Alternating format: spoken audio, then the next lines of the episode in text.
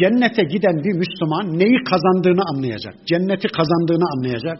O güzelim güzeli nimetleri kuşanınca bir sevinecek. Sonra bir de gözünün önündeki perdeyi kaldıracakmış Allah. Cehennem ortamını onun gözünün önüne getirecekmiş. Cehennemde kafirlerin dayanılmaz azapların içinde olduğunu görünce Müslüman bir daha sevinecekmiş. Elhamdülillah. Ya Rabbi ne iyi yapmışız. Ne güzel aklımız başımızdaymış dünyada da kendimizi şu cehennemden kurtarmışız, azat etmişiz. Elhamdülillah çok şükür diye Müslüman iki kere sevinecekmiş. Bir cenneti görünce, bir de cehennemi görünce.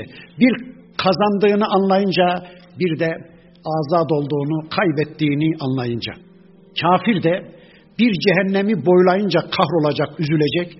Bir de kafirin gözünün önünden de zaman zaman perdeyi kaldırıp cennet ortamını onun gözünün önüne getirecekmiş Allah.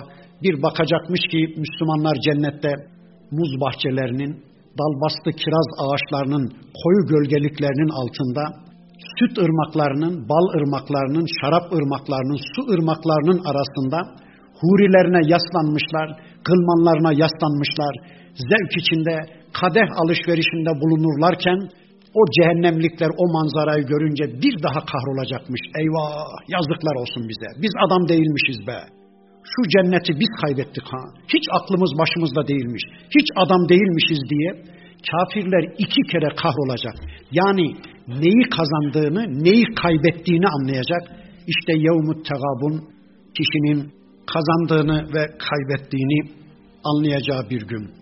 İnsanlardan kimileri hayatını bereketli bir cennete satmış, yatırımını güzel yapmış, sonunda cenneti kazanmış, cennete uçup gitmiş ama kimileri de kötülüklere yatırım yapmış, sonunda cehennemi kazanmış ve cenneti kaybetmiş. Ya Rabbi bizi cennet kazanan, cehennemden azad olan kullarından eyle.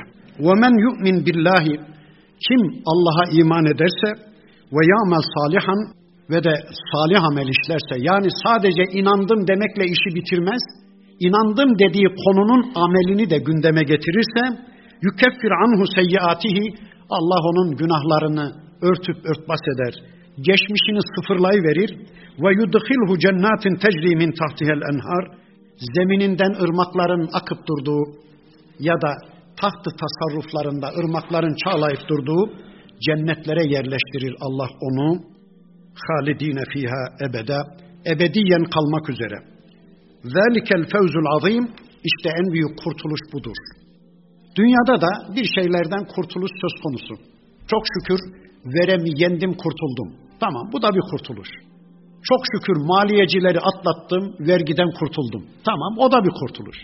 Çok şükür polisleri atlattım, cezadan kurtuldum. Tamam.